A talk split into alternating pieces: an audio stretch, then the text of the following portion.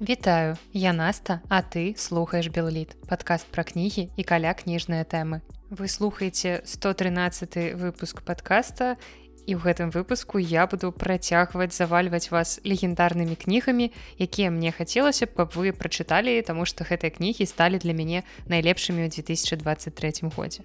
Але для пачатку я хочу адказаць на каментарыі з google форм і першы невялічкі каментарый я прачытаю ад чалавека з нікам. Чалавек які слухаў усе выпускі подкаста і не шкадую па-першае ўжо за гэта дзякуй. Ну і уласна сам каментарый Наста, даражэнькая, рабі любыя эксперыменты. Будзем слухаць усё. Мы з табой да канца. Тут мне ўспомнілася наша старая футбольная крычалка разам і да канца. Дзякуй вялікія за гэтыя словы за такі давер. І гэтым каментарыям я б хацела вас трошкі падрыхтаваць да адной штукі, якая хутка будзе ў падкасці. Я ведаю, што вы ўсе вельмі любіце эмацыянальныя выпускі падкаста. І так ужо склалася у агульначалавечым жыцці што часцей больш эмоцый у нас выклікаюць нейкія негатыўныя рэчы. Не абавязкова негатыўных эмоцый гэта тое што мы называем такім жаргонным словам бамбёж вось нас бомбіць ад нейкіх рэчаў часцей за ўсё негатыўных бо зразумела што добрага бомбіць не можа.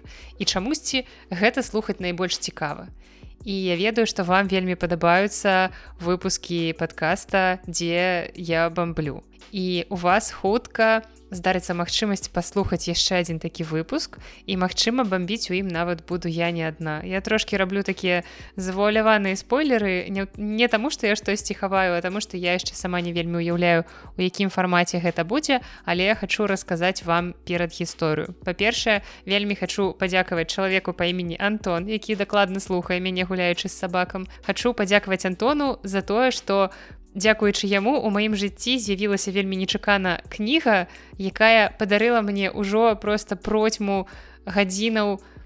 Я не ведаю, не скажу гэта добрым настроем, але карацей некалькі гадзінаў бамбежу, ад якога я ў захапленні, якога я кайфую. Бо я вельмі люблю, калі мне ў руки трапляюць кнігі, якія можна, Ну, хочется сказаць слова разнесці, але гэта нейкае крыўднае слово карацей. Сэнс в тым, што не так даўно на кікстартеры, быў збор сродку арганізаваны на выданне кнігі дракула брэмастокера па-беларуску. Я бачыла гэты збор сродку, але як бы кніга мяне не зацікавіла тады, ну я гэты праект на кікстартеры не падтрымлівала. Але ў адрозненне ад мяне Антон гэты праект падтрымаў і таксама гэты праект падтрымаў яшчэ адзін чалавек, якога вы ўсе добра ведаеце, таму што вы чулі яго літаральна ў папярэднім выпуску і гэта сярожа матырка.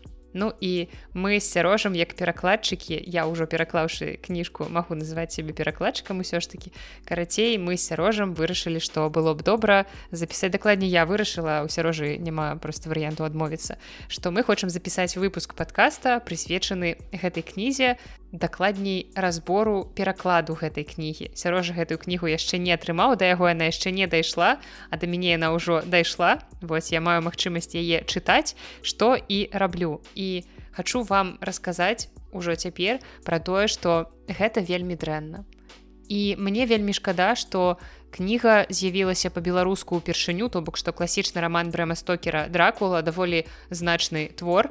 Ён з'явіўся па-беларуску ўпершыню менавіта ў такім выглядзе. Што адбылося як мне падаецца па прычыне таго што не заўсёды людзі займаюцца сваёй справай. Я не хачу нікога крыўдзіць. Я сапраўды не вельмі шчыра ўсцешаная тым што з'яўляецца такія ініцыятывы па выданні кніг што людзі стараюцца каб сусветная класіка або нейкія сучасныя творы былі даступныя беларускім чытачам. Але ўсё ж такі я лічу што калі ты ўзяўся за нейкі праект то зрабі яго не абы як а пастарайся зрабіць яго добра наколькі ты маеш магчымасцю. А тут такі выпадак што на гэтую кнігу сабралі грошы людзі данацілі грошы на гэтую кнігу людзі атрымалі гэтую кнігу і ўбачылі там тое што ўбачыла ў ёй я калі яе разгарнула. І я вельмі радуюся напрыклад што я не патраціла грошы на гэтую кнігу. Што мне проста далі яе пачытаць але вось у мяне ёсць магчымасць яе разабраць і расказаць пра гэта вам.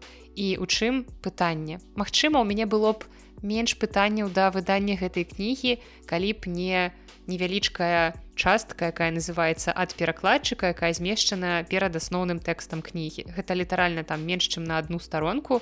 Тэкст ад перакладчыка дакладней ад перакладчыцы у якім па-першае напісана што пры перакладзе гэтай кнігі ўлічваўся досвед папярэдніх перакладаў з рускай мовы з польскай мовай рэчы тым што не ведаю як па-польску але па-руску не існуе поўнага перакладу рамана брэма стокера дракула калі вы чыталі гэтую кнігу па-руску то вы верагодна чыталі няпоўную версію гэтай кнігі таму што поўнай проста не існуе.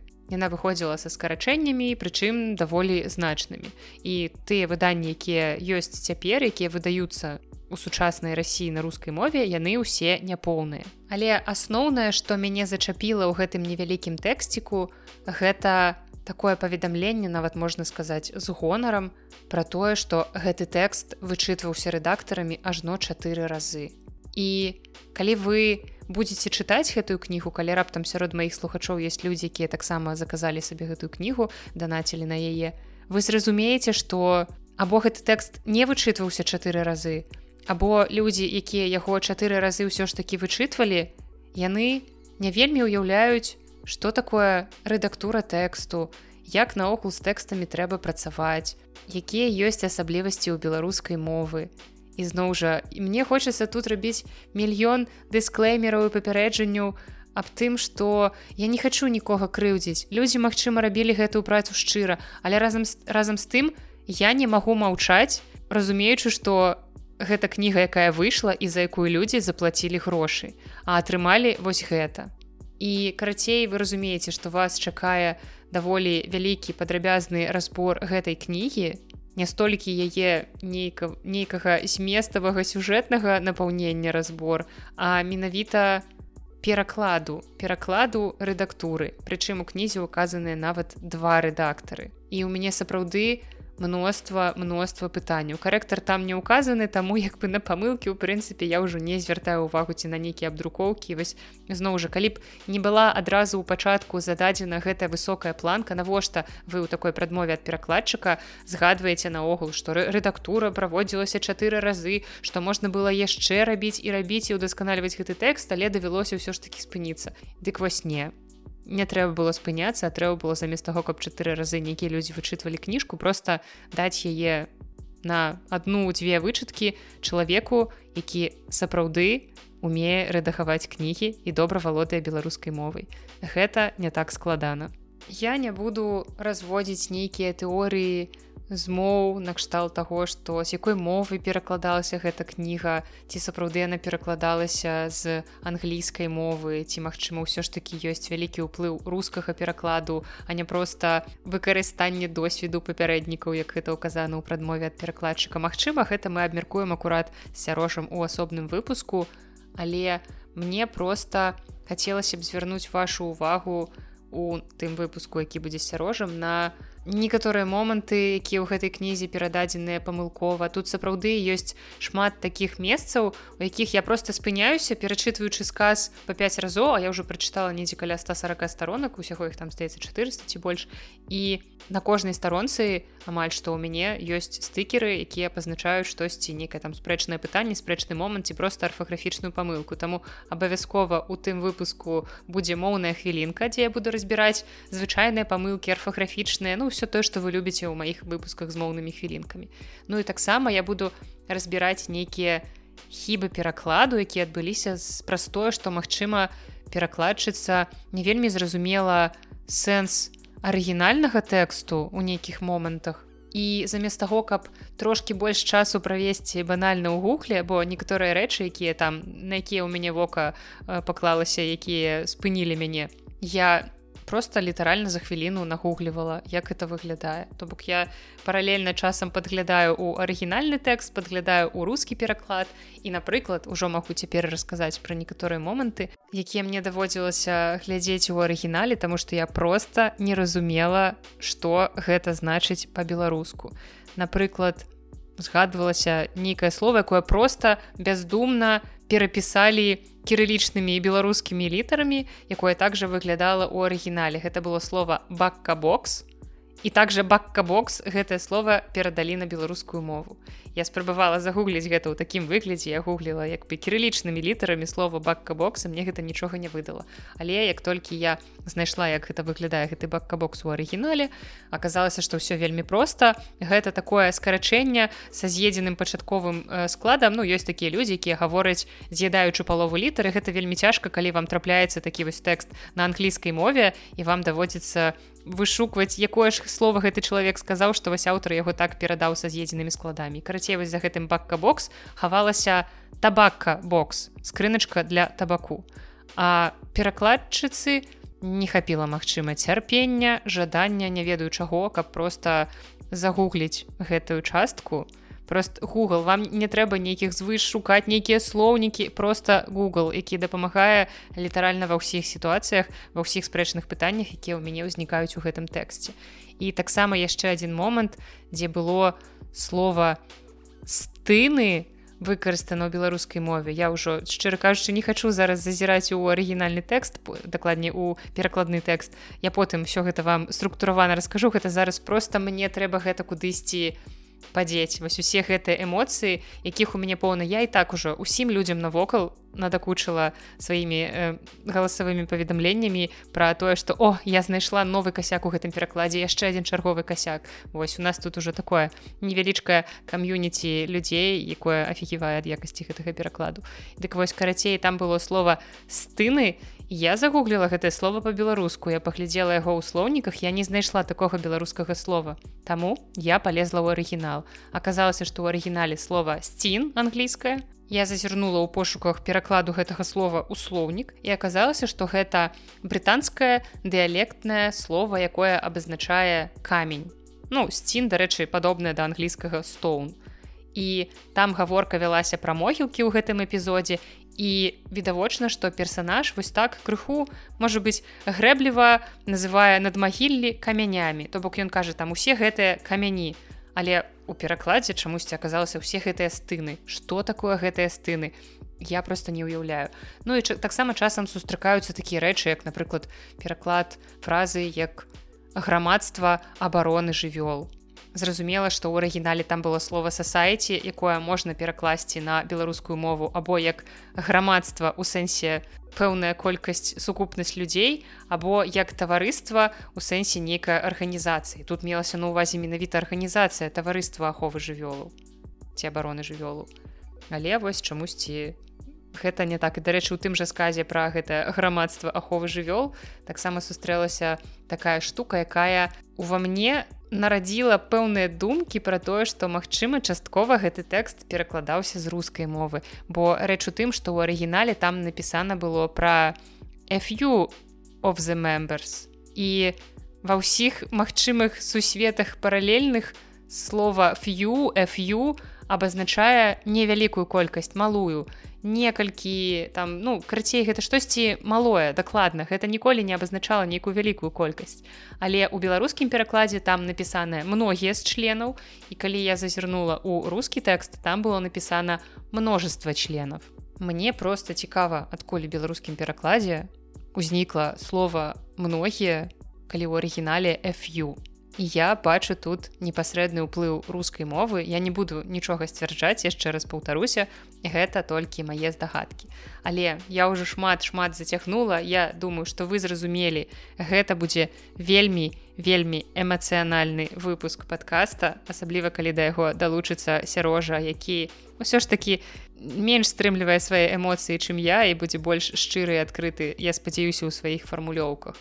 Вось таму просто хацелася б вам у паказаць Мачыма як не трэба рабіць і я заўсёды гэта сцвярджаю што кожны чалавек мусіць займацца сваёй справай а кнігі мусіць вычытваць рэдактары спецыялісты а не валанцёры. Таму што трэба разумець што гэтая кніга стане набыткам беларускай культуры яна ўвойдзе ў гісторыю беларускай літаратуры вось у такім выглядзе.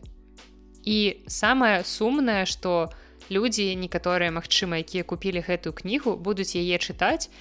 І магчыма нават не зразумеюць у чым праблема і будуць запамінаць вось гэтыя крывыя канструкцыі якіх вельмі шмат па тэксце. Тут вельмі шмат паўтораў. У адным сказе можа там тройчы тры разы сустрэцца слова казаў і магчыма для англійскай мовы гэтая ўласціва яны заўсёды кажучы сет хісет але мы ў беларускай мове маем процьму сінонімам да гэтага слова. Ну і наогул не абавязкова просто пастаянна выкарыстоўваць слова казаў плюс таксама там пастаянна паўтараюцца займеннікі. У адным сказе можа бясконца бясконцую колькасць разоў быць я я я ён ён ён ягоны ягоная і гэтак далей. Все гэта можна лёгка выкідаць без без страты нейкіх сэнсаў для тэксту Я ўжо згубіла ўсе магчымыя думкі, што я хацела вам сказаць, але хацела данесці вам тое, што вось тое, што вас чакае, не ведаю калі.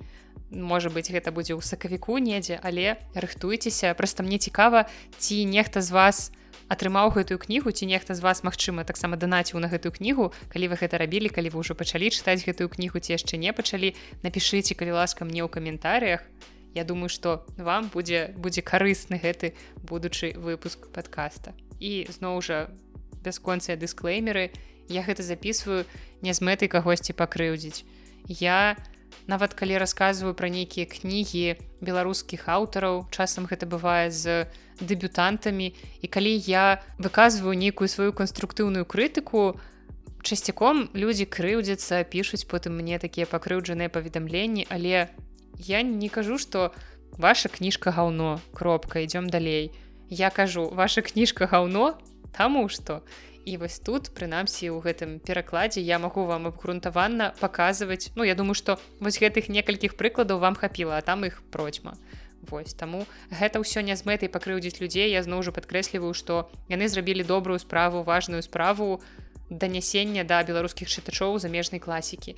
Але зноў жа падкрэслю паўтаруся не стамлюся гэта паўтараць. Кожны мусіць займацца сваёй справай. І я не кажу што ім не варта займацца выданнем кніг просто варта падысці да гэтага больш адказна і з большим прафесіяналізмам. Мачыма так. Так што вось хацелі эксперыментаў будуць вам эксперыменты. Хаця гэта не зусім эксперымент таму што калі вы са мной не даўно. Вы магчыма памятаеце што ў мяне быў ужо такі выпуск подкаста у якім я разбірала пераклад аўтаспынам па галактыцы я параўноўвала арыгінал і рускі і беларускі пераклад. І першапачаткова я гэта наогул рабіла каб параўнаць беларускі тэкст з арыгіналам то бок наколькі добра зроблены беларускі тэкст. Але у працэсе зразумела што я не магла не далучыць рускі тэкст і высветлілася што ў рускім тэксце адсутнічае ладны кавалак. І ўсё гэта я пісала ў артыкуле для онлайнера гэта ўсё разбірала і асобны выпуск подкаста у мяне пра гэта ёсць. Шукайце. Ну і магчыма новы выпуск у чымсьці будзе да гэтага падобны Ну і пераходзім да наступных каментарыяў і каментары ад дашы будзе карысны жыхарам Польшчы Ну і мне ў тым ліку Не ведаю ці ведаеш аб праекце мне не шкада але мы абменьваемся папяровымі кніжкамі Праект з мінска і пачаткова меў экалагічны напрамак але ў Польшчы гэта больш штосьці для інтэграцыі дыяспары і чытання народных мовах. Можа табе будзе цікава сапраўды гэта вельмі цікавы праект. Я перайшла па спасылцы я вам таксама пакіну спасылку на іх ноушн і там вялізны спіс там ёсць некалькі польскіх гарадоў і вялізны спіс кніг якія вы можете ўзяць пачытаць можете подзяліцца сваімі. Гэта такая электронная бібліятэка дзе беларусы абменьваюцца кнігамі. Дарэчы не ведаю может быть там ужо не толькі беларусы але карацей калі вы знаходзіцеся ў Польшчы калі вы не хочаце тут папаўняць сваю бібліятэку бо я напрыклад ужо ўсё я гэта адпусціла. Я просто заплюшчанымі вачыма гляджу так менавіта з заплюшчанымі вачыма гляджу на тое як паступова мае кніжныя паліцыі з якімі мне сапраўды ўздымнай кватэры пашанцавала тут у мяне іх даволі шмат тому что гаспадыня маёй кватэры яна таксама чалавек пэўным чынам звязаны з літаратурай на журналістка у яе ёсць уласная кніжка нонфікшн і пасля яе мне засталося тут даволі шмат кніжных паліц я гэта просто адпусціла і няхай напаўняюцца я нават не буду на гэта ўплываць я я буду толькі толькі за. Вось дык карацей калі вам хочацца чытаць нейкія кнігі кшталту як у бібліятэцы то можете звярнуцца да гэтага праекта. І дарэчы я ў Польшчы тут запісалася ў бібліятэку і моя мама калі даведалася пра гэта яна мне сказала што вось калі будзеш падаваць дакументы на карту побыту то ты далучы вось гэтай бібліятэчную картку далучы каб яны ведалі пра сур'ёзнасць тваіх намераў тому что Мачыма я была першым замежнікам наогул у нашай бібліятэцы раённай які туды запісаўся Ну і яшчэ адзін каментарый ад чалавека без подпісу. Прыемны голас мова без памылак даведаўся на вікі пра падкаст Дзякуй вялікі за добрыя словы вікі тут маецца на ўвазе як вікіпедыя мне просто цікава як можна з вікіпедыі даведацца пра мой падкаст калі ласка удакладніце гэты факт мне вельмі цікава. Ну і што мова без памылак. Э, ніхто з нас не без граху але стараемся стараемся. Ну і наконт прыемнага голасу таксама дзякуй. Не, не заўсёды ён мне падабаецца але агулам я змірылася. Сёння каментарыяў няшмат але як вы памятаеце цяпер я ганаровы супрацоўнік кнігарні кнігаўка у цэнтры варшавы я б сказала ў самым сэрцы варшавы. І не мы знаходзімся не ў палацы культуры і навукі але мы знаходзімся на вуліцы клапатоўскага 4 клопатовскія гочтэры калі казаць як мясцовыя і пакуль што мы працуем у асноўным як пункт самавывазу то бок цяпер вы можете афармляць заказы на сайце кнігаўкаком і забіраць гэтыя заказы ну просту кнігарні аплачваючы карткай або наяўнымі. Або вы можете аплаціць загадзя онлайн. Ну і таксама ўжо янушкевич сабраў одну кніжную шафу кніжны стэлаж. Усяго іх будзе там два пакуль што у нас пакуль што невялікія планы але карацей цяпер там ужо стаяць кніжкі то бок вы можете прыйсці мы працуем у будні з панядзелка па пятніцу з 11 до 18 у нас у планах так ёсць абавязкова працаваць у выхадныя але пакуль што толькі будні. Але калі што вы заўсёды можете напісаць нам у нстаграм выдавецтва. Калі раптам вы бываеце у варшаве толькі праездам на выхадных але вам хацелася б завітаць у кнігарню купіць кнігі пішыце заўсёды адгукнуся. Я жыву блізка заўсёды любы час магу падскочыць. Ну і пакуль што мы чакаем усю неабходную патрэбную мэблю абстаўляемся трошкі. Пакуль што у карама не выглядае зусім як паўнавартасная кнігарня ёй вядома ж яшчэ далёка да кніжнай шафы. Так я канешне з сумам успамінаю кніжную шафу і мне вельмі хочется разумець што калісьці кніжная шафа таксама выглядала прыкладна так. І гэта просто працэс які трэба перажыць працэс вось гэтага абжывання калі гэтае памяшканне з просто у паўпустога памяшкання, у якім все яшчэ ёсць рэха, ператвараецца ў цёплую утульную паўнавартасную кнігарню. Вось просто трэба прайсці прайсці гэты крок, але як казаў сам спадар Янушкевич, што мы зрабілі такую можа быть невялічкую памылку открываючы кнігаўку у мінску что мы трымалі ўсё ў сакрэце ў таямніцы. Мы там зрабілі поўны рамонт пафарбавалі сцены ў гэты чортаў сіні колер. Мы купілі мэблю спецыяльна там под колеры заказвалі. У нас быў дызайнер які там нам все аформіў. Карацей мы зрабілі гэта ўсё у прынцыпе хаваючы гэта ад людзей ну ведалі там нейкія нашыя блізкія зразумела. І у мы з таким шумам з такой помпай адкрыліся Ну і вы памятаеце чым гэта скончылася я працавала ў фірме аднадзёнцы і нават аднаго дня ў ёй не працавала не прапрацавала дакладней наш рабочы дзень вельмі хутка быў перапынены але тут наадварот мы неяк так адкрыліся і адкрыліся Ну і добра Ну і ладно хоць так як ёсць Вось таму все ж таки у хочацца каб хутчэй хутчэй ужо гэта ператварылася ў сапраўдную паўнавартасную кнігарню але пакуль як ёсць вы любым выпадку можете завітваць. Заўсёды буду вам рада. Я там з панядзелка па пятніцу так што прыходзьце Ну і мне пісалі ў каментарыях, што магчыма хацелася б чуць нейкіх гісторый пра тое, як вось мы открываем кнігарню, як яна наогул працуе. Гэта такі падкаст кніжная шафа на мінімалках. Я адна буду расказваць пра тое, што тут адбываецца ў кнігаўцы, таму што няма ў мяне тут насты. На жаль, на жаль. Вось перадаю прывітанне насці, ты ведаеш, што я без цябе сумую. Але ж тут пакуль што не адбываецца такіх неверагодных гісторый у нас у шафе тому што яшчэ няма пэўнага такога кам'юніці як наша шафная з нейкімі пастаяннымі наведвальнікамі. Але ўжо часам здараюцца такія цікавыя сітуацыі і ў асноўным яны пакуль здараюцца з палякамі. Таму што зразумела што ў нашым памяшканні вельмі даўно нічога не было. Яго ніхто не арендаваў і некалькі гадоў яно стаяла пустым і таму цяпер мясцовым жыхарам якія бачаць што блин там штосьці адбываецца там пастаянна паднятыя ралеты там гэты вялікія вокны за імі штосьці там свеціцца нейкія кніжкі туды часам заходзяць нейкія дзіўныя людзі Вось. І яны задаюцца пытаннямі што адбываецца наогул. Яны могуць абсалютна так бесцырымонна просто падысці у сутыч да акна і зазіраць унутр яшчэ ў нас на падаконніку ляжаць кнігі казік з каменнай горкі алеся кудрыцкага які ён падпісаў яны так прыгожа стосікамі ляжаць. І людзі падыходзяць і спрабуюць прачытаць кірыліцу. Зразумела што не ва ўсіх гэта атрымліваецца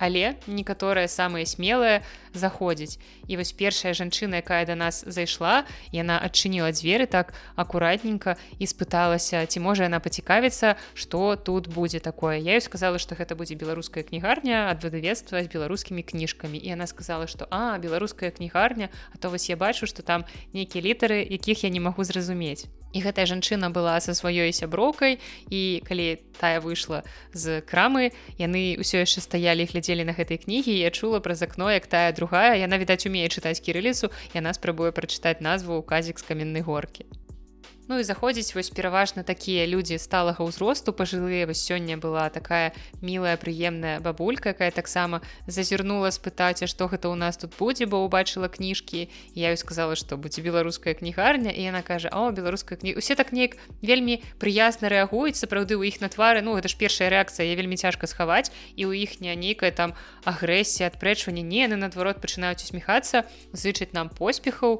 І гэтая бабулька сказала што убачыла кнігі думала што можа быть тут будзе якая-небудзь бібліотэка ці выпужычальня як гэта тут по-польску называется.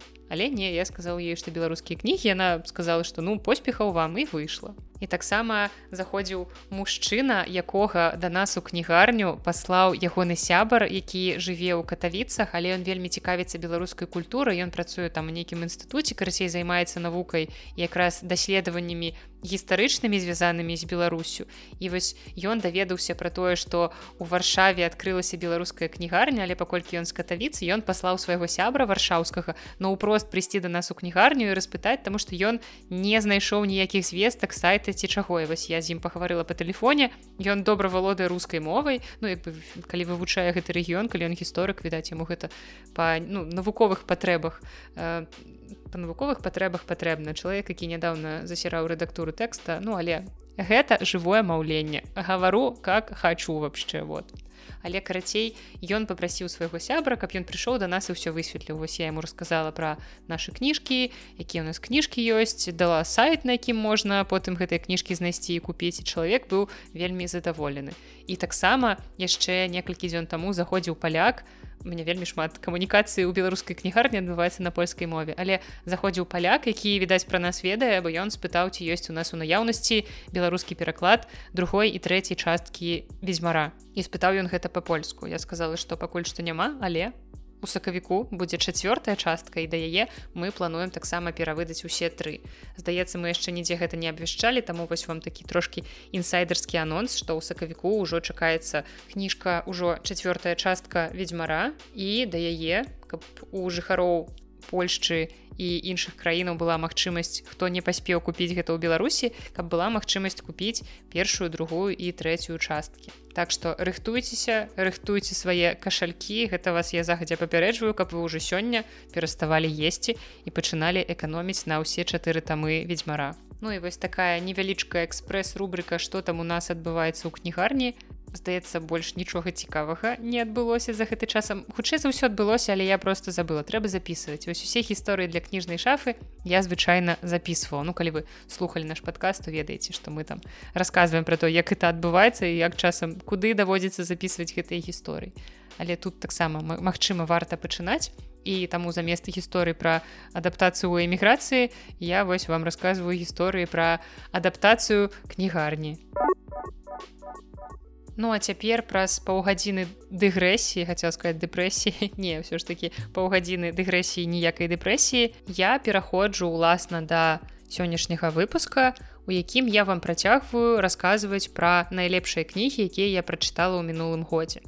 Засталося зусім няшмат. Мне здаецца што гэта перадапошні выпуск на такую тэму. І сёння кнігі ў выпуску вельмі так арганічна і цікава аб'ядналіся тэмай псіхалогія. І першая кніга пра якую мы сёння пагаворым яна ў прынцыпе мастацкая але яна заснаваная на рэальных падзеях і расказвае гісторыю рэальнага чалавека рэальнай жанчыны. І гэта роман які называется севілла які напісала журналістка флора рыта шрайбер. І я чытала рускі пераклад гэтай кнігі арыгінал выйшаў 1973 годзе і калі вы ведаеце гісторыю пра білі мільгана то ў гэтай кнізе вас чакае штосьці такое падобнае. Бо кніга паказвае нам жыццё чалавека з дысацыятыўным расстройствам ідэнтычнасці. І севілла гэта рэальна існуючая жанчына сапраўдна імя якой шырлі ардель мейсон. Вы можете пагугліць яе ёсць шмат артыкулаў з яе гісторыяй і ў гэтай кнізе вельмі падрабязна расказваецца пра яе дзяцінства пра біяграфію сям'ю інтарэсы і пра многае іншае гэтыя ўсе звесткі журналістка узяла з тэкстаў запісаў яе тэрапеўткі. І аўтарка нам расказвае літаральна усе падрабязнасці жыцця і нам сапраўды можа падавацца што мы ведаем пра гераіню ўсё. Але не ці так гэта насамрэч? Ці можам мы ведаць усё пра чалавека з такім расстройствам? Бо просто што ў выпадку з чалавекам у якога дысацыятыўнае расстройство ідэнтычнасці што наогул значыць ведаць усё? Таму что ну калі ў чалавека некалькі асобаў ты не можаш ведаць усё пра ўсіх гэтых асобаў. І самае галоўнае пытанне ці наогул рэальная гэтая хвароба і я магу вам адразу праспойлерыць фінал расповеду майго пра гэтую кнігу. Я не ведаю ці сапраўды існуюць людзі з такімі захворвамі захворваннямі якое складанае слово ці гэта просто прыдумка ці сапраўды севіла была такое ці сапраўды білі міліхан напісаны дэніелам кізам быў такім чалавекам. Але факт застаецца фактам. Псіхалогія разглядае такіх людзей і нават ёсць вось такая такое расстройство як дысацыятыўнае расстройство ідэнтычнасці Ну і такі невялічкі факт, чаму менавіта сівіла важная, чаму менавіта ёй прысвечаная кніга. Нагадаю, што кніга выйшла ў 1973 годзе, гэта было ўжо даволі даўно і менавіта сівіла калісьці стала першай пацыенткай з множнай асобай. Тады вось гэта называлася так. А цяпер гэта называецца паўтаруся ўжо 1500 раз за гэты выпуск дысацыятыўнае расстройства ідэнтычнасці. Можна вельмі класна правяраць сваю дыкцыю на гэтай фразе. Ну і гэта адбывалася яшчэ раней у 50-е гады. Вось просто уявіце, на якім узроўні развіцця была псіхалогія ў тыя часы. Ну і для пачатку мне б хацелася апісаць, як выглядала жыццё сівілы з гэтым расстройствам. Як наогул выглядае жыццё чалавека, у якім нібыта некалькі асобаў і калі дзейнічае адна, астатнія наогул не разумеюць што адбываецца бо вось яна магла напрыклад прачнуцца не ведаючы чым яна займалася апошнія некалькі дзён тыдняў часам гадоў ну просто уявіце сабе гэта вось вы усталі раніцай з ложка і разумееце што нейкая іншая кватэра які іншы ложак бо вы за гэты час пераехалі дакладней адна з вашых асобаў гэта зрабіла а вы прачнуліся ў нейкай зусім іншай асобе не разумееце просто што адбываецца. У вас там іншая прычоска вы по-іншаму апрануты. Таксама там яна напрыклад забылася табліцу множання тому что яна не памятала як яе вучыла. Ці яна знаходзіла нейкае разбітае шкло і не памятала як яна разбіла гэтае шкло ці як яно разбілася. Ці узімку напрыклад она могла зразумець раптам што знаходзіцца пасярод вуліцы незнаёмай вуліцы без пальчатак без курткі і без шапкі. І яна не падазравала што яе прывёў туды нехта іншы хто знаходзіцца ў яе ўласным целе і калі ўбілі мілігана было нібыта 24 асобы я кажу нібыта таму што ў такіх справах э, нічога нельга сцвярджаць дакладна бо гэта немагчыма ніяк памераць ну нібыта даследуюць псіхолагі але ўсё роўна мне падаецца што гэта ўсё такое даволі сумнеўна. І вось у сівілы было нібыта 16 таких асоб. І асобы гэтыя былі розных узростаў яны ўсе зафіксаваныя у іх ёсць свае імёны біяграфіі і у у залежнасці ад таго у які час розум сівілы іх стварыў у залежнасці ад гэтага яны былі адпаведнага ўзросту. А стварыў іх мозг сівілы у той час каб дапамагчы ёй абараніцца ад таго што ў гэты момант адбывалася. Ну і вядома ж усіх цікавіць пытання чаму наогул узнікае гэтае расстройства чаму гэтыя субасобы з'явіліся ў галаве ў сівілы. І самае банальнае што можна тут сказаць але што будзе праўдай усе праблемы ідуць з дзяцінства так уявіце сабе што вы на прыёме псіхатэрапеўта і вам пра гэта кажуць. Насамрэч у раннім узросце сівіла падвяргалася сексуальнаму гвалту з боку маці. І да 9 гадоў яна жыла ў адной спальні з бацькамі і вельмі часта яны займаліся сексам пры ёй ну прост у тым жа пакоі. І таксама яе бацька быў такім трошки неадэкватным вернікам. Здаецца калі я не памыляюся ён быў адвентыстам сёмага дня то бок нічога нармальнага дзяўчынку такой сям'і не чакала і калі памерла яе бабуля бацькі забыліся пра яе і пакінулі яе ў спальні да самага канца пахавання. Ну і наогул што вось кожная кожная з гэтых і многіх іншых траўматычных падзей дзяцінства прымусіла сівілу я спрабую падабраць тут нейкі тэрмін і атрымліваецца штосьці накшталт раз атаясаміцца з сабой. То бок яна больш не атаясамлівала сябе з сабой і кожная з яе асоб стала эмоцыяй якую яна магла перадаць ім каб сказаць што калі ласка паклапаціцеся ў гэтую хвіліну за мяне таму што я не хачу быць уключанай ў гэтую сітуацыю бо яе эмацыйны багаж у той перыяд быў занадта вялікі. І на працягу 11 гадоў сівіла разам са сваёй псіхатэрапеўткай працавала каб знайсці траўму якая ўласна выклікала такое расстройства. І яны як я уже казала аналізавалі кожную яе асобу і пра іх ведалі літаральна ўсё каб у выніку гэтых асобаў інтэграваць у аднаго чалавека уласна у сівілу. То бок калі у вас ёсць асобныя пруткі каб іх звязаць і каб з іх атрымаўся венік. Вельмі класнае ў мяне параўнанне і гэтая кніга напісана вельмі добрая она вельмі моцна мяне зачапіла хоць і я не магу сказаць што яна нейкая надта яркая эмацыянальная хутчэй наадварот яна ў пэўнай ступені стрыманая і безэмацыянальная што ёй ні ў якім выпадку не шкодзіць і храналогія станаўлення сівілы сталення сівілы расцягнута на ўсю кнігу і мы бачым наступствы жорсткага з ёй абыходжання якія выявіліся ад самага пачатку да самага канца і гэта роман які ўсё ж такі я скажу што ён больш мастацкі чым біяграфічны.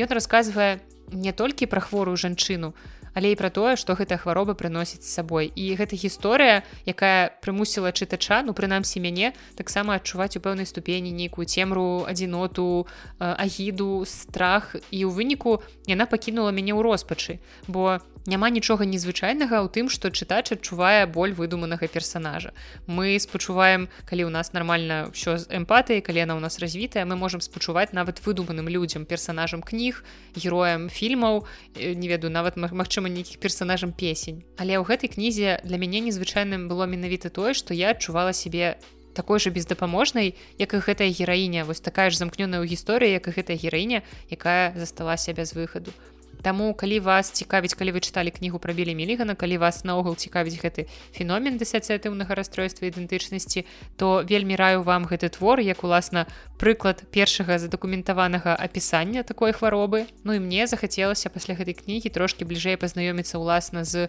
гісторыяй самой гэтай гераіні пачытаць яе рэальную біяграфію нейкія артыкулы пра яе што магчыма ў хуткім часе я і зраблю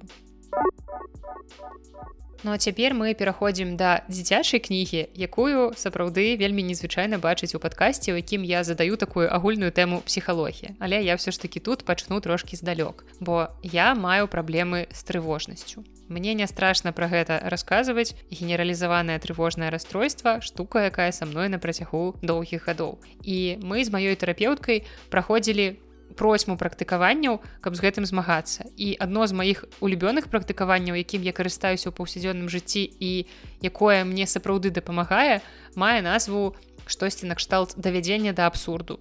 Напрыклад, мы спыняемся на пэўнай сітуацыі, якая ў мяне выклікае або нейкія неабгрунтаваныя трывожныя пачуцці, бо трывога гэта калі мы не разумеем, што адбываецца і чаму мы трывожымся. Або выклікае канкрэтны ярка выражаны страх, або калі мы ведаем прадмет нашай трывогі, то гэта ўжо не трывога, гэта страх.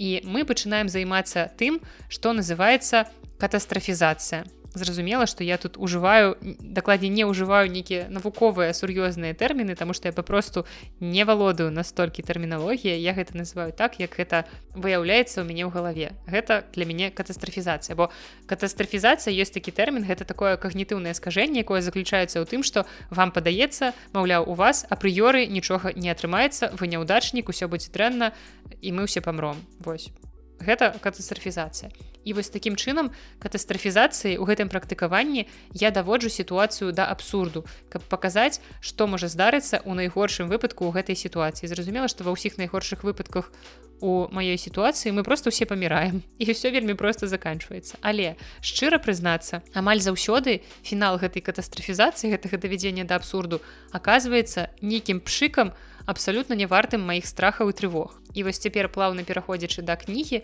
я хочу расказаць вам пра кнігу сюзанны ізерн якая называется а если меня съест кіт іспанскі арыгінал выйшаў летась і я чытала рускі пераклад які выйшаў выдавецтве папуры і гэта твор у якім па сутнасці пераказанае вось гэтае маё папярэдняе практыкаванне толькі ў больш спрошчаным для дзіцячага ўспрымання варыянце. У нас есть хлопчык Марцін які просто літаральна маё альтер-эга у яго вельмі багата вельмі развітая фантазія якая не заўсёды працуе яму на карысць. І замест таго каб фантазіраваць і ўяўляць як все будзе цудоўна які будзе цудоўны новы свет ён фантазіруе пра найгоршае. Як я чалавек які прадумвае усе магчымыя найгоршыя варыянты развіцця падзей. І як вы бачыце з назвы А если меня съест кіт фантазія у гэтага хлопчыка сягае вельмі далёка. І ён заўсёды ўяўляе штосьці максімальна жахлівае і таму ён баіцца рабіць літаральна ўсё. І другая гераіня гэтай кнігі гэта мама марціна якая як выдатны псіхолог пачынае размаўляць з сынам на гэты конт.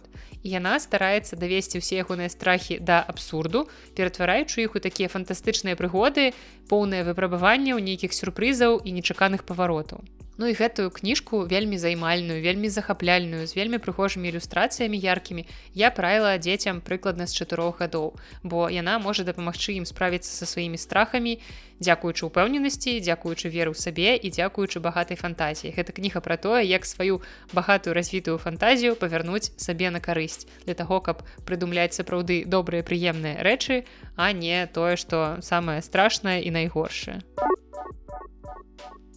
І яшчэ адна кніга з майго леташняга топа яна беларуская. І здаецца што тэматычная яна нібыта не зусім пасуе да сённяшняй падборкі тому что гэта аўтабіяграфія беларускай літаратаркі. Але мы бачым назву споведь і разумеем што ў гэтай кнізе нас чакае вельмі шмат унутранага свету гэтага чалавека. і і наогул гэта выдатная матывацыйная б сказала не пабаюся гэтага слова бо матывацыйная літаратура зараз не выклікае добрых асацыяцый але гэта ў добрым сэнсе матывацыйная духаўздымная кніга Таму я лічу што яна выдатна трапляе ў тэму сённяшняга выпуска І як вы ўжо магчыма здагадаліся зараз мы пагаворым пра ларысу геніюш якая яшчэ летась нарабіла нам трошачки шуму у навінах. Дакладней шуму нарабіла не яна а нарабілі людзі якія вырашылі што помнікі паэтцы гэта не самая патрэбная ў беларусі рэч. Вось мільённы лядовы палац патрэбны а як бы помнік ларысе геніюш не. Ну хто мы такія каб іх асуджаць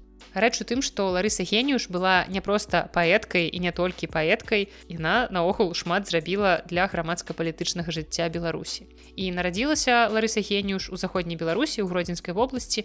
І калі ёй было каля 10 гадоў гэтая частка беларусі паводле рыскай мірнай дамовы увайшла ў склад польшчы. І там геніюш вучылася ў польскай школе.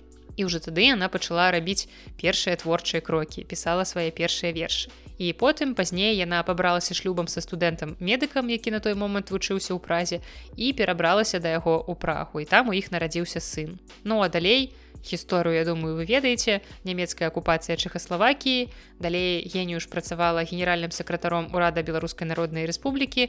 І праз некалькі гадоў пасля заканчэння вайны яе чакалі арышт перадача ўладам ссср і пазбаўлення грамадзянства чэхаславакі гэтая так скарочана пераказваю вам біяграфію геніюш каб вы разумелі калі вы не ведаеце яе біяграфіі каб вы разумелі хаця б у агульных рысах пра што давялося прайсці гэтай мужнай жанчыне.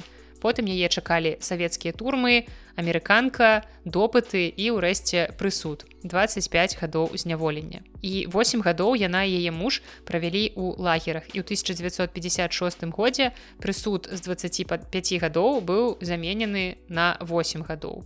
І акурат на той момант гэтыя 8 гадоў прайшлі таму яна была вызваленая і пасялілася ў той самай зельве якую зрабіла легендарным месцам для беларускай культуры. І уласна ў зельве она пражыла до конца жыцця і там жа ў зельве яе і пахавалі Ну і з цікавых фактаў пра геніюш якія ў чарговы раз просто падкрэсліваюць яе прынцыповасць яе нязломнасць гэта тое што ўсё жыццё она пражыла з адзнакай у пашпарце без грамадзянства. То бок яна просто адмовілася прыняць савецкае грамадзянства і стала апатрыдам І вось пачуўшы ўсё гэтае так скарочана галопам па Еўропах прабеглася па біяграфіі геніюш нават калі вы гэта ўсё ўжо ведалі хіба можна не зацікавіцца аўтабіяграфічнай кнігай такога чалавека просто з першых вуснаў даведацца як гэта было і праз што яна праходзіла. І гэтую кнігу я чытала летась у Будапешце, часцей за ўсё гэта рабіла патроху перад сном і я здзіўлялася, як пасля чытання гэтай кнігі мне не сніліся жахі. Таму што як можна нармальна спаць, калі ты чытаеш такое. Што ж, я не гневаюся, бо ні адзін народ так не здзекаваўся нада мною і над маёй сям'ёю, як беларускі. Ні адзін народ так не ўніжаў сваіх паэтаў, сваіх жанчын, садыстычныя і вышуканыя мучэнні, якія адчуваю амаль штодзённа нават ад людзей, якія ўчора былі сябрамі. А нарадзілася геніюш у маёнтку жлобаўцы і з яго яна пачынае свой твор. І вялікая шчырасць і непасрэднасць прасочваюцца па ўсёй кнізе, калі геніюш апісвае сваё юнацтва, свае падлеткавыя маладыя гады, заляцанні хлопцаў, роздум пра будучыню, вось, напрыклад, вельмі парадавалі мяне вось такія радкі. Цяжка было знайсці адпаведную працу пры Польшчы, асабліва калі бацькі былі больш-менш забяспечаныя. На вышэйшую адукацыю не было матэрыяльных магчымасцяў заставалася працаваць на зямлі і чакаць мужа. Падсведама і я думала аб мужу нейкім, але ён мусіў быць беларус. Такіх не было, толькі сяляне. Усё роўна мой муж будзе беларус. І далей на той жа старонцы мы чытаем пра заляцанні. Часам людзі мяне ледзь толькі бачылі, а ўжо прасілі мае рукі. Гэта было дзіўна, несамавіта. Але сапраўды калі зірнуць на фота геніюшу маладосці мы бачым такую пенькную паненку і сапраўды верым што яе маглі стаяць чэргі з кавалераў. І таксама калі ўлічыць яе самаупэўненасць і нораў бо звычайна вось такія ганарліўкі акураты выклікаюць дадатковы інтарэс. Але мы разумеем што гэта як той казаў пыха была зусім не беспадстаўнай. І уся гэтая кніга прасякнутая пачуццём уласнага гонару і разуменнем што яе не зламаць нягледзячы ні на што Я нарадзілася такой, ад пялюшак ужо прасякнутай усім, што наша, з болем і прагай змагання за волю і нашу зямлю для нас. І так здарылася, што ніхто і слова дрэннага не мог сказаць пра гэтую жанчыну, бо настолькі прыязная наставілася да ўсіх навокал і людзі адказвалі ёй узаемнасцю. Я напісала, што нават следчы ў мінску здзіўляўся, маўляў, што яна за чалавек такі, што ні ў Беларусі, ні ў Чхаславакі на яе не могуць знайсці светку. І геніюш як быццам сама бачыла сваёй місіяй, несці ў гэты свет дабрыню і любоў. Некалі, калі я бачыла свой уплыў на людзей, мне не цікава было выйсці замуж за хорошага чалавека. Гэта проста. Мне цікава было выйсці за злога чалавека і пасля прабудзіць у ім усё тое вялікае і добрае, да чаго ўжо рознымі шляхамі прыйшлі людзі. І галоўнае гэта любоў. Высакародна, але як мне падаецца трошкі беспадстаўна самаахвярна. Затое з пэўнай долей пафасу, які мы ў прынцыпе не можам асуджаць. Я прыпомніла сабе, што за Беларусь цярпець трэба, І калі прыйдзецца, трэба памерці. Адступаць і каяцца нельга. Гора нашага народу непамерна большая ўжо вякі. І асабліва шмат эмоцый у мяне выклікалі эпізоды з допытамі ў цанавы, як геніюш дазваляла сабе вельмі дзёрзка яму адказваць і прымушала яго гаварыць па-беларуску. І як не скарылася катам са словамі: яшчэ не вырасла тая бярозка, на якой вы мяне будзеце вешаць по-мойму гэта цудоўна. І можа падавацца што вось гэты нязломны дух вось гэтая самаўпэўненасць яны спадарожнічалі паэтцы на працягу ўсяго жыцця. Але не.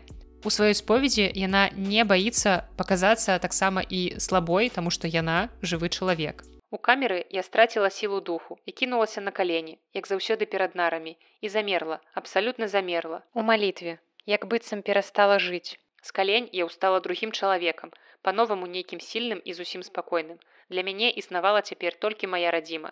Недзе былі мае сябры далёкія, мой сын, брат, які адзіны выжыў з вайны, быў спакой у людзей, агні гарадоў, чалавечнасць.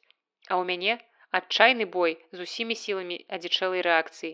Не, не за сябе, але за радзіму маю, за нашу праўду за зняволены пераняволены наш народ, які трапятаўся як рыба ў сеці, каб жыць. Я не ведала, што ісці на смерць за радзіму не страшна, а лёгка, весела, амаль святочна. Усё было пры мне, гэта значыць маё сэрца і праўда. Што ж, я нашчадак прагнучых волі, шмат з нас лягло памостам для будучых дзён нашай радзімы, якое ж я маю права баяцца загінуць за справу, за якую палеглі яны.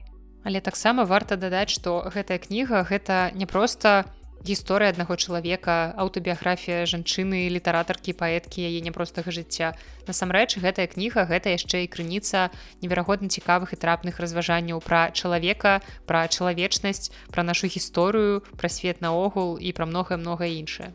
Для ўсіх багатая моя Беларусь. Жывуць тут і пасуцца розныя адшчапенцы. Толькі для сваіх дзяцей яна такая няшчодрая а яны яе любяць, нясуць жыццё сваё ёй у ахвяру і гінуць, і вецер заносіць пылам сляды іх. Я не магла забыцца, з якой радасцю канстатаваў коган, што ёсць дастаткова матэрыялу, каб судзіць мяне. Знача, не цікавіла іх мая віна ці не віна. Ім быў патрэбны матэрыял для зняволення чалавека. О гуманізм 19 стагоддзя, як далёка мы адступілі назад. Не ведаю, якія я магу агучыць высновы ў канцы расповеду пра гэтую кнігу, таму проста хочацца дадаць яшчэ адну цытату. За што вам далі срок, пытае нейкі следователь у лагеры. Імею честь цярпець за Беларусь. І калі б не руская мова, то менавіта апошняй фразай можна было б назваць кнігу пра ларысу геніюш. Проста гэты твор гэта выдатная крыніца матэрыялу пра жыццё беларускай эміграцыі ў ваенныя пасляваенныя гады, пра сталінскія лагеры, пра рэпрэсіі і наогул пра жыццё ў савецкай беларусі. У градацыі савецкай я на найніжэйшай перакладзінцы. Першая беларуска, другое паэтка непаслухмяная, трэцяе кулацкае адроддзе, чацвёртая зэк, пятая хрысціянка якая верыць і не баіцца шостая сыну польшчы сёмая сябры па цэлым свеце восьмая смяротна вінаватая за тэстамент. Па ўсіх гэтых пунктах адзін жах. Хоць ты не жыві на свеце а я яшчэ неяк жыву. Жыву і сама дзіўлюся гэтаму. Ну а я дзіўлюся сіле духу ларыс геніюш і заклікаю вас абавязкова прачытаць гэты твор. Бо магчыма вы не аматары паэзій Магчыма вы можете абмінуць паэтычныя зборнікі геніюш але вось менавіта гэтую празаічную кнігу аўтабіяграфічную кнігу я б паставіла у топ твораў беларускай літаратуры якія варта прачытаць кожнаму.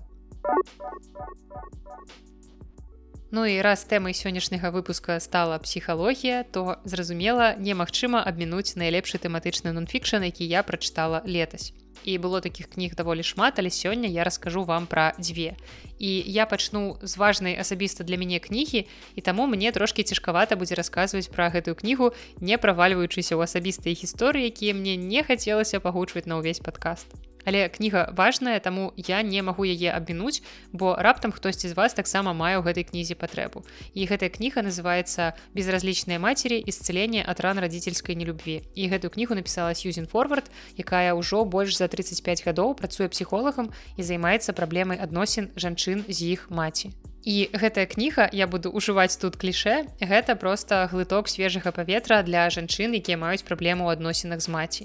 Бо у сваім жыцці мне даводзілася неаднаразова мець камунікацыю з людзьмі якія упэўненыя ў бязгрэшнасці любых бацькоў. Маўляў яны цябе нарадзілі май да іх павагу. І заўсёды вельмі складана гэтым людзям даказваць што нарадзіць гэта яшчэ не ўсё. Як казала моя настаўніца з нулёўкі нашим бацькам на адным з бацькоўскіх сходаў яны ў вас на свет не прасіліся.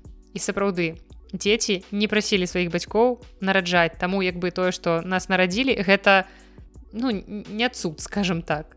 Ну а фразы накшталт просто даруем яны сапраўды мяне прывозяць ну некае ўнутранае шаленства якое я стараюся не паказваць я моўчкі пагаджаюся і просто зыходжу. Тому что вось як можа дараваць дзіця наркаманкі якое вымушана ўсё дзяцінства бадзяцца па інтэрнатах або як можа дараваць дзіця якое галадала і вечна хадзіла пабітае вось на гэтым аргуменце людзі звычайна замаўкаюць тому что трэба прыняць той факт што не ўсе бацькі адмоўныя і не можа быць безумоўнай любові да сваіх бацькоў. Ну гэта маё ўласна меркаванне вы можете мець іншае меркаванне якое я як бы не разумею але не асуджаю. То бок я уяўляю сабе што ёсць бацькі якія нараджаюць дзяцей якія клапоцяцца пра сваіх дзяцей і тут можна гаварыць пра нейкую любоў. Але ёсць сітуацыі калі маці нарадзіла дзіця і выкінула яго ў сметніцу. Пра якое дараванне з боку дзіця тут можа ісці гаворка і пра якую безумоўную любоў да маці. Я думаю што вы разумееце маю пазіцыю.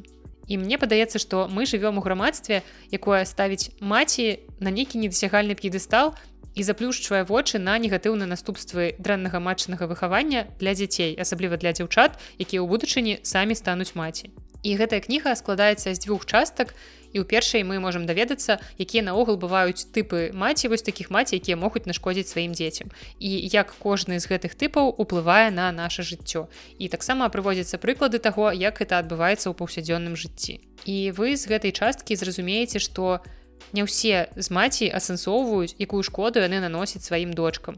Але шкода ўсё роўна адбываецца і, магчыма, вы таксама для сябе адкрыеце свой уласны тып маці, якая пэўным чынам вам нашкодзіла. Калі вы ўсё ж такі вырашыце чытаць гэтую кнігу з мэтай дапамогі. Вы даведаецеся пра маці нарцысаў пра празмерна прывязаных маці пра пантаных кантролем пра тых што мяняюцца ролей з дачкой калі з ранняга ўзросту чакаюць ад сваіх дачок нейкага суцішэння клопату замест таго каб даваць гэта сваім дзецям. Ну і таксама напрыклад даведаецеся пра тых хто грэбуе або жорстка абыходзіцца з дзецьмі. І трэба адзначыць што адна маці можа змяшчаць у сабе адразу некалькі тыпаў і ў дадатак да свайго клінічнага пункту гледжання як прафесіянала ў галіне псіхалогіі аўтарка прапануе мноства прыкладаў з практыкі з рэальнымі пацыентамі якія пацвярджаюць і ілюструюць усю інфармацыю. Ну а ў другой частцы знаходзіцца практыкаванні якія нам дапамогуць стаць на шлях вызвалення ад крыўдаў скажем так. Але зразумела што гэта адбываецца не за адзін дзень не пасля прачытання кнігі нават не пасля выканання ўсіх практыкаванняў бо хтосьці праходзіць гэты шлях гадамі. І у бачаць для сябе некалькі варыянтаў. Першы варыянт гэта наладзіць камунікацыю з маці пазбавіцца нейкіх э, супольных крыўдаў ці аднабаковых крыўдаў і карацей просто далей жыць у нармальнай камунікацыі. Таксама ёсць варыянт калі вы просто забіваеце на адносіны на спробы наладзіць нейкія кантакты стасункі для кагосьці гэта магчыма.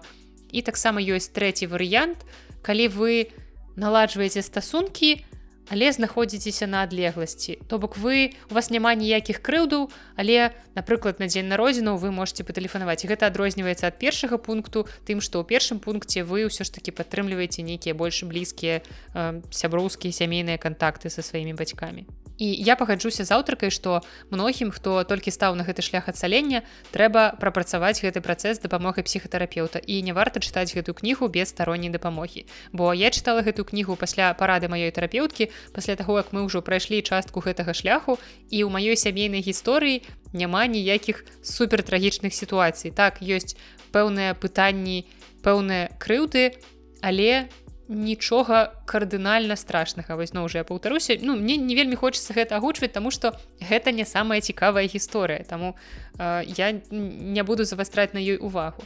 І мне вельмі падабаецца прафесіянальны падыход аўтаркі якая ў сваёй кнізе не абвінавачвае наогул усіх маці. Яна просто тлумачыць чаму так адбываецца і што дачка можа з гэтым зрабіць. Бо сапраўды як я ўжо казала не ўсе маці асэнсоўваюць што наносіць шкоду сваім дзецям часцяком яны просто не ведаюць іншых варыянтаў выхавання тому что напрыклад іх маці іх так выхавала. І яны думаюць что гэта нармальна і што яны часцяком часцяком яны лічаць што у іх найлепшыя намеры і яны хочуць для сваіх дзяцей найлепшага. І таксама мне падаецца что гэта тая кніга якую варта чытаць нават тым жанчынам якія не лічаць там што іх нейкія дрэнныя адносіны з маці ці што іх маці былі нейкімі дрэннымі вядома ж не Гэта кніга была б важная для іх для таго, каб ведаць, якой маці не варта быць для сваіх дачок для сваіх дзяцей. Ну і так гэта даволі спецыфічны псіхалагічны нон-фікшн, але я вам тут расказваю наогул пра ўсе кнігі, якія для мяне вартыя значныя, якія я чытаю, якія чымсьці мяне чапляюць. Вось гэта кніга, якая стала сапраўды вельмі важнай прыступкай на шляху там да пэўнага не ведаю лячэння можна гэта назваць лячэннем, але яна сапраўды добра на мяне паўплывала была мне карыснай і таму калі сярод слухачоў гэтага подкаста знойдзецца хаця б адзін чалавек які мае пэўныя пытанні якія таксама вырашацца хаця б часткова з дапамогай гэтай кнігі або гэтая кніга дасць пэўны кірунак калі не дзеяння то хаця б мыслення я ўжо буду безмежна шчаслівая. Ну і апошняя кніга ў сённяшнім выпуску мае цікавую клікбейтную назву не карміце абезьяну і у яе ёсць падзагаловак как выйти из замкнутого круга беспокойства і тревогі аўтарка гэтай кнігі Дженніфер Шэнан і успамінаючы што я рассказывала вам раней у выпуску пра дзіцячую кнігу вы можете зразумець чаму я вырашыла прачытаць гэтую кнігу пра трывожнасць. Усё так жа у мэтах змагання з ёю. І зноў жа як і з папярэдняй кнігай я не хочу завастраць увагу на нейкіх асабістых момантах тому что не думаю что вам гэта так ужо цікава. Таму я просто подзялюся з вами сваім уражаннем ад кнігі як быццам бы я хочу с паспрабаваць зацікавіць гэтай кнігай людзей якім яна можа дапамагчы. Аўтарка гэтай кнігі практыкуючы псіхолог з 20гадовым стажам і яна займаецца акурат рознымі трывожнымі станамі. Вось тое што мне трэба і таксама мяне яшчэ прывабіла ружовая вокладка рускага выдання. Насамрэч не яна жахлівая. Можете паглядзець як яна выглядае. І на такая вельмі важная рэч якую трэба сказаць перад тым як перайсці да гаворкі пра кнігу. Рэч якую трэба ведаць пра аўтарку ў дачыненні да гэтай кнігі. Гэта таксама асабістая барацьба аўтаркі. Аўтарка ведае пра гэтае расстройства не толькі з падручнікаў не толькі з гісторый сваіх пацыентаў яна нават дзеліцца тым фактам што калі яна пісала гэтую кнігу яна адчувала вялікую трывогу і дзякуючы гэтым адкрыццям чытач выходзіць з аўтаркай на нейкі больш астабісты даверлівы ўзровень І ў чым жа сутнасць таго, што гэтай кнігай хоча давесці нам аўтарка і прычым тут малпы. Рэч у тым, што ў нашым мозгу зараз будзе трошкі тэорыі, паспрабуйце не заснуць, але у нашым мозгу ёсць міндалі падобнае цела. Гэта невялікі цэнтр, які можа рэагаваць на рэчы, перш чым яны дасягнуць астатняй часткі нашага рацыянальнага мозгу, дзе мы зможам іх уласна ўжо абдумаць. І менавіта гэта гарантуе нам бяспеку ў надзвычайных і небяспечных сітуацыях. Міндалі падобнае цела выконвае ў нас ахоўную функцыю, яно імгненна выклікае рэакцыю бі або бяжы. І калі мы былі малпамі, гэта было вельмі карысна. І вось гэта аўтар называе малпавым розумам або малпавым мысленнем.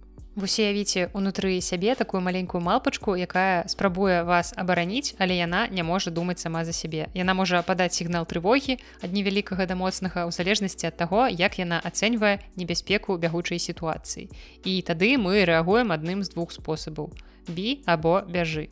І вось менавіта ў гэтым заключаецца праблема, бо мы рэзка рэагуем нават на тыя сітуацыі, якія не з'яўляюцца небяспечнымі. І калі мы рэагуем адным з двух спосабаў, наша ўнутраная малпа разумее што ўсё зрабіла правільна і так атрымліваецца замкнёнае кола калі насамрэч усё што нам трэба зрабіць гэта замерці замест рэакцыі бе або бяжы нам трэба не рабіць нічога. Адчуць трывогу асэнсаваць яе і просто праігнараваць. І на словах я разумею што гэта гучыць вельмі лёгка.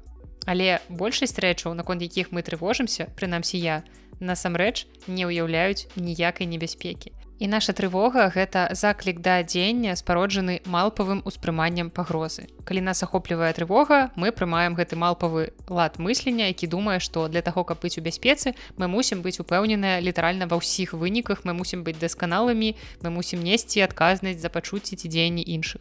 І калі мы рэагуем на трывогу пазбяганнем ці супрацівам, мы пацвярджаем успрыманне пагрозы. Мы кормім малпу. І гэта падтрымлівае як наш цыкл трывогі так і наш малпавы розум.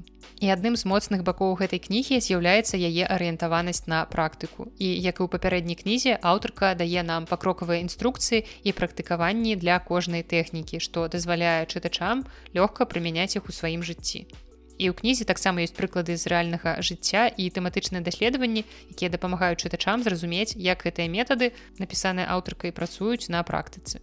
І таксама яна падкрэслівае важнасць усвядомленасці ў кіраванні трывогай, бо усведамляючы свае думкі эмоцыі без асуджэння, мы можам навучыцца рэагаваць на іх больш здаровым спосабам. І замест таго, каб спрабаваць здушыць, гэта рэакцыя бі, або пазбегнуць гэта рэакцыя бяжы трывожных вось гэтых думак і пачуццяў аўтарка заклікае чытачоў прыняць іх як натуральныя аспекты чалавечага досведу. Бо дзякуючы прыняццю людзі могуць зменшыць уладу трывогі над імі. Ну і таксама аўтарка прапануе цэласны падыход да кіравання трывогай звяртаючы ўвагу на ўзаемасувязь думак эмоцыі паводзін фізіялагічных рэакцый. Бо ўсё ў нас узаемасвязана. І калі мы аб'яднаем у усвядомленасць когнітыўныя стратэгіі прыняцця і самаспагаду тады мы зможам развіць больш збалансаваныя і моцныя адносіны са сваёй трывогай што ў выніку прывядзе да большага дабрабыту і душэўнага спакою якога нам усім так не хапае. Ну і таксама у гэтай кнізе аўтарка прапаноўваю такую як это сказаць 15 хвілінка трывожнасці я ўспамінаю што калі я глядзела серыял тэрапія які ў падкасці кніжная шафа нам раіла наста там таксама была такая рэч бо гэта як вы разумееце серыял пра псіхатэрапію і там адзін з персонажаў расказваў пра тое што вось у яго ёсць 15 хвілінаў якія ён дазваляе сабе ў дзень паперажываць пахвалявацца папакутаваць і гэтак далей. Але як толькі заканчваюцца гэтыя 15 хвілін ён устае і рухаецца далей. І вось у гэтай кнізе я сустрэла гэтую тэхніку дакладней спачатку сустрэла е ў гэтай кнізе а потым пабачыла што гэта сапраўды практычна рэальна існуючая рэч вось пра якую нават здымаюць серыялы. Таму я таксама вам раю. Конечно я не ведаю 15 хвілін для мяне гэта зашмат. У мяне часам бываюць такія пяцихвілінкі ненавісці да сябе свету навокал шкадавання сябе э, пакутаў. Але яны звычайна хутка праходзяць бо як толькі ты сканцэнтруешся на гэтым як толькі ты перастанеш гэта адкідваць як толькі ты перастанеш змагацца з гэтым яно сапраўды Ну окажется что блин ну не так и мне хочется уже пакутаваць як бы ну папакутавала две хвілінкі ну і ладно ну і хопіць у прынцыпе пачынаеш заўважаць просто што гэтыя рэчы сапраўды ёсць і што сапраўды яны працуюць вось тое што ты потым чытаеш у гэтай кнізе буду абавязкова зноў вяртацца да гэтай кнігі калі адчую што ёсць у ёй такая патрэба ну і калі вы маеце таксама пэўныя пытаннічкі з трывожнасцю з усімі гэтымі неабгрунтаванымі клопатамі трывогамі страхамі то таксама раю вам звярнуць на яе увагу прынамсі на ўласным досведзе я яе праверыла завязваем на сёння з псіхалогіі і наогул з гэтым выпускам. Хаджу падзякаваць усім хто мяне слухае усім хто прыходзіць да нас у кнігарню. Дякую вам вялікі за добрыя словы за ўсе гэтыя ваши зычэнні поспеху росквіту. Я спадзяюся што ўсё менавіта будзе так як вы кажаце. Дакладна я ўпэўнены што ўсё будзе менавіта так як вы кажаце. Таму на сёння гэта ўсё. Магу трошки анансаваць што вас чакае ў наступных выпусках подкаста акрамя таго што я думаю што вы ўжо все чакаеце як мы з сярожам будзем бомбіць на пераклад дракулы гэта будзе. Але ў наступным выпуску подкаста на жаль ужо такой сумнай традыцыяй стане тое што я буду расказваць пра украінскую літаратуру. Летась 24 лютага я запісала падкаст у якім расказала пра украінскія кнігі якія я прачытала за апошні час і я лічу важным гэта паўтарыць таму што наступны выпуск зноў выйдзе 24 лютага вы самі разумееце што гэта за дата. І ў гэты дзень мне хацелася падтрымліваць украінскую культуру наогулу хочацца рабіць гэта пастаянна але вось гэта такая важная сімвалічная дата якую хацелася б пэўным чынам адзначыць. Адзначыць не ў сэнсе адсвяткаваць а адзначыць у сэнсе згадаць пра яе. Вельмі важна яе актуалізаваць бо у як бы жарты жартамі але кажуць кажацца мы сталі забываць і гэта ну як бы зусім не смешны жарт і таму мне хацелася б расказаць вам пра тыя украінскія кнігі які я прачытала за апошні час і наогул зараз у мяне так шмат магчымасцяў чытаць украінская Таму што кнігі гэта ў доступе я ўжо пратэсціла дастаўку з Украіны паштовую з кнігарні е. Кнігі даехалі выдатна нядорага ў выдатным стане. Таму я спадзяюся што у наступных выпусках подкаста вы не больш будетеце чуць пра украінскую літаратуру Ну і такія выпускі тэматычныя будуць адбывацца часцей чым раз на год. І мне хацелася б верыць што з больш пазітыўных нагодаў. Ну а таксама праз выпуск вы пачуеце што ж цікавага адбылося ў літаратурным свеце за люты. Ну і думаю ўжо пасля гэтага выпуска пасля літ навінаў мы з вами запішам апошні выпуск з цыкла найлепшыя кнігі прачытаныя ў мінулым годзе і далей я ўжо пачну нарэшце расказваць вам пра актуальнае прачытанае пра тое што чытаю сёлета і пра тое што ўжо мне вельмі падабаецца або пра тое што выклікае ў мяне абурэнне як пераклад дракулы. Не стамлюся ў гэтым выпуску гэта паўтараць. Як заўсёды чакаю ваших каментарыяў за ўваг прапаноў любых паведамленняў канструктыўнай неканструктыўнай крытыкі лепш канешне ж канструктыўнай ну то бок на напішыце что твой падкаст гаўно але абгрунтуйце калі ласка чаму ён гаўно і таксама дзякую вялікі ўсім хто падтрымлівае мяне на патрыоне я вам абяцаю што зусім хутка контент на патрыоне будзе выходзіць часцей і больш і цікавей. Просто трэба трошки ператрываць скажем так пакуль што яшчэ вось працэс уезду у кнігарню. Прынцыпе гэта займае даволі шмат у намаганняў высілкаў маральных душэўных сіл фізічных і гэтак далей але што я тут апраўдваюся? Вы у мяне вельмі чуллівыя спагадлівыя слухачы якія ўсё выдатна разумеюць як я спадзяюся. Таму дзякую усім за падтрымку сустрэнемся з вами праз тыдзень. А на сёння гэта ўсё. З вами была наста і падкаст белліт да сустрэчы